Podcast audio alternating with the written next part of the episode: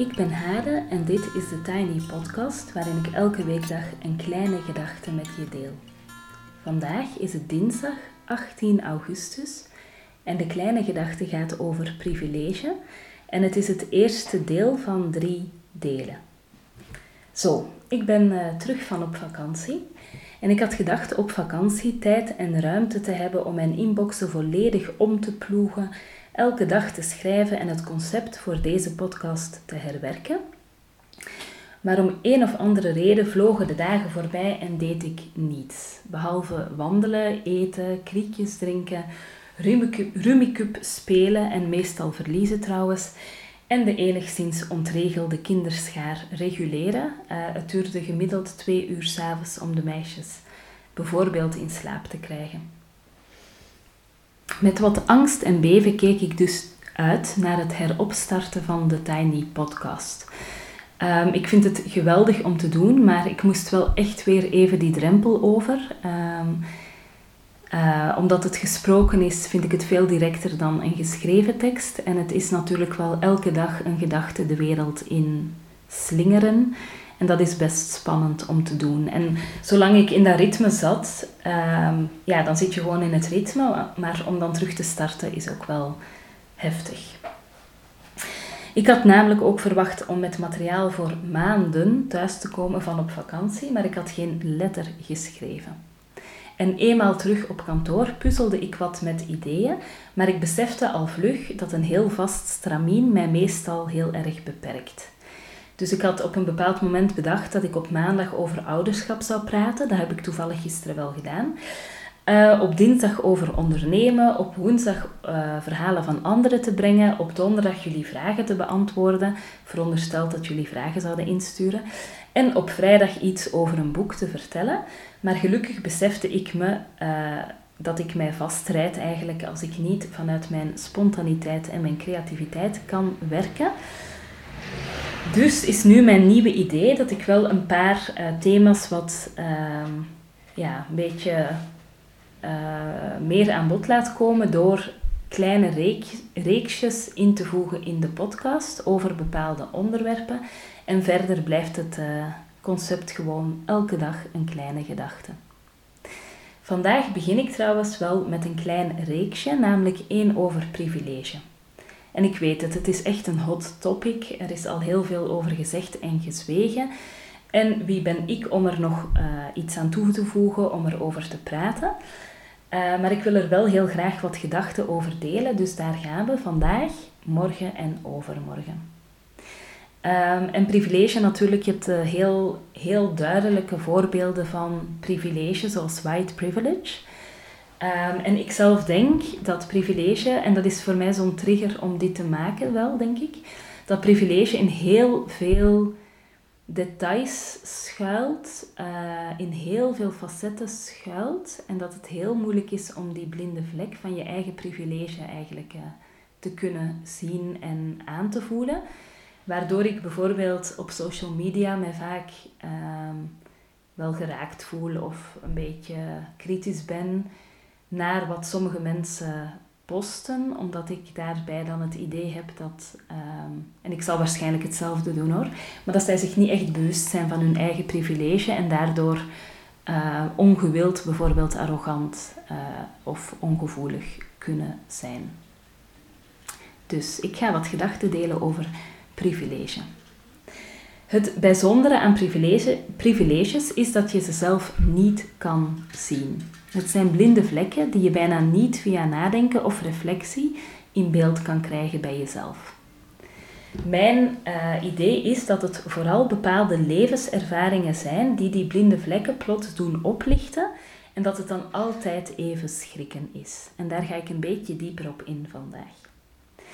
In de Tiny Podcast van 9 juni vertel ik over een moment waarop mijn eigen blinde vlekken pijnlijk zichtbaar werden in het contact met een van mijn studenten in Brussel. Ik kwam in die tijd uit Leuven, had net mijn studie afgerond samen met allemaal medestudenten die best veel op mij leken, wat achtergrond en situatie betrof. Wat ik in die tijd sowieso wel al had, was een soort vrevel in de collegebanken. Soms vond ik het praten over thema's die in het echte leven voor mensen geen lichtje zouden doen branden nogal arrogant. En ik had ook sterk het idee dat er op de faculteit waar ik studeerde een soort microcosmos van gelijkgestemden was gecreëerd, waarin dan weer een hiërarchie bestond. Een veilige wereld waarin we ons bezighielden met thema's die in het echte leven weinig aan bod komen of misschien zelfs weinig relevantie uh, hebben. Een wereld waarin binnen de hiërarchie mensen bevorderd werden en nog steeds worden, waar ik destijds een soort opgelegde bewondering voor had. Dat waren dan de docenten en de professoren en de promovendi of de doctoraatstudenten. En daar, had je dan, daar keek je dan naar op. En eerlijk gezegd denk ik, als ik terugdenk aan die uh, mensen destijds waar ik toen zo naar opkeek, denk ik nu vaak dat die in een wat meer uh, wereldse context misschien best vaak heel wereldvreemd zouden geweest zijn en het misschien zelfs niet echt zouden kunnen redden.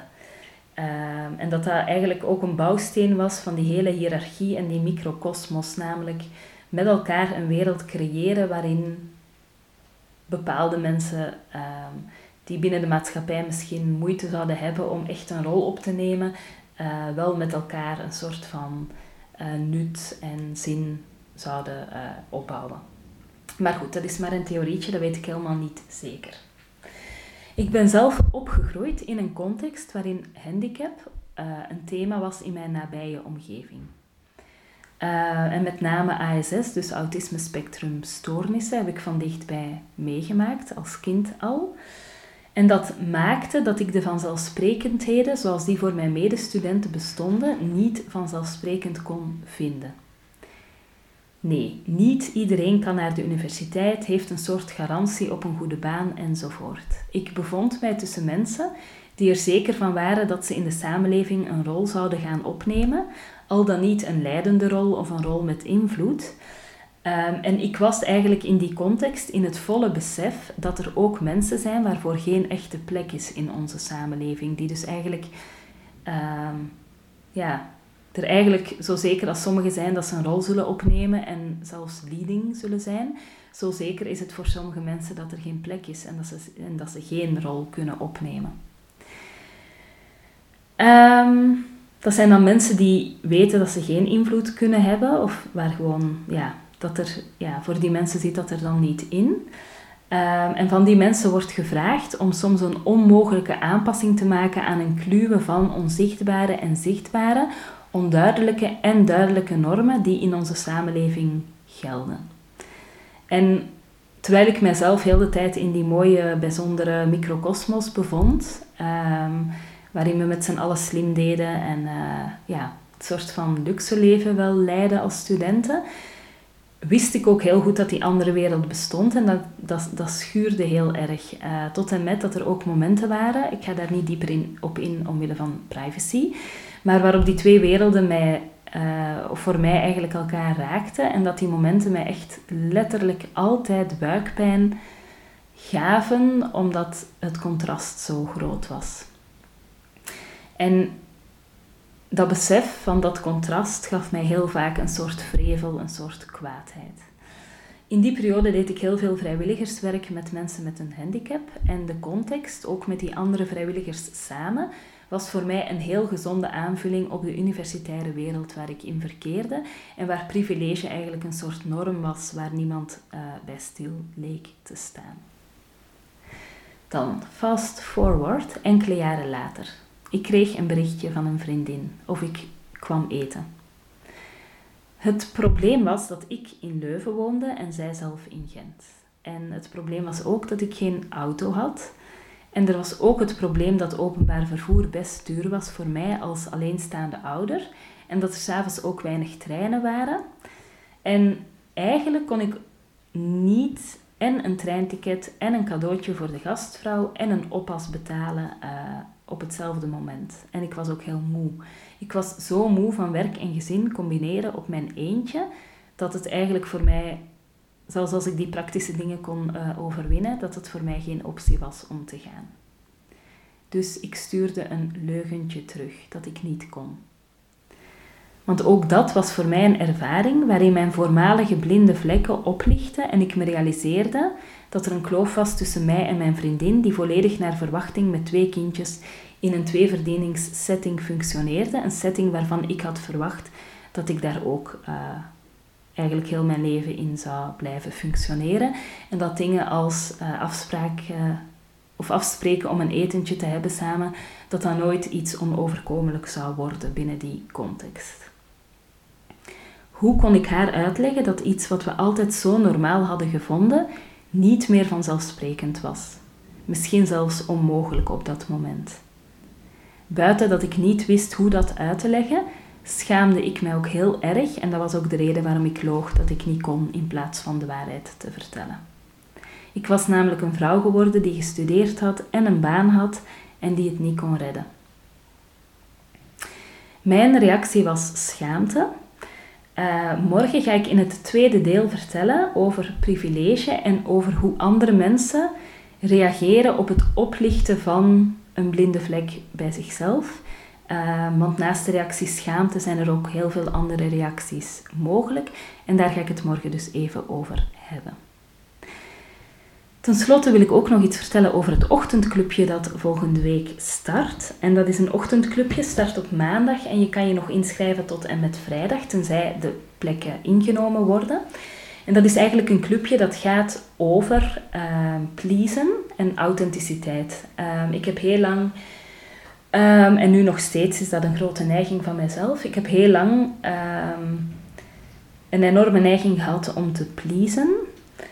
Um, tot ik daar heel bewust mee aan de slag ben gegaan, omdat pleasen en jezelf tekort doet, maar het doet in principe ook de ander tekort. Um, stel dat je um, afspreekt met een vriendin terwijl je eigenlijk geen zin hebt om haar te pleasen, dan ben je nog naar jezelf toe, nog naar die andere persoon toe. ja, authentiek. Um, en ik denk dat als we even bewust in dat thema duiken rond pleasen en daar een aantal dingen over in kaart brengen en binnen het clubje ook met elkaar daar een aantal dingen over uh, delen, zodat je ook de ervaring van anderen kan horen enzovoort, dat er dan echt een weg uh, buiten dat pleasen bestaat waarin je meer kan kiezen om vanuit authenticiteit naar jezelf en anderen toe uh, te reageren.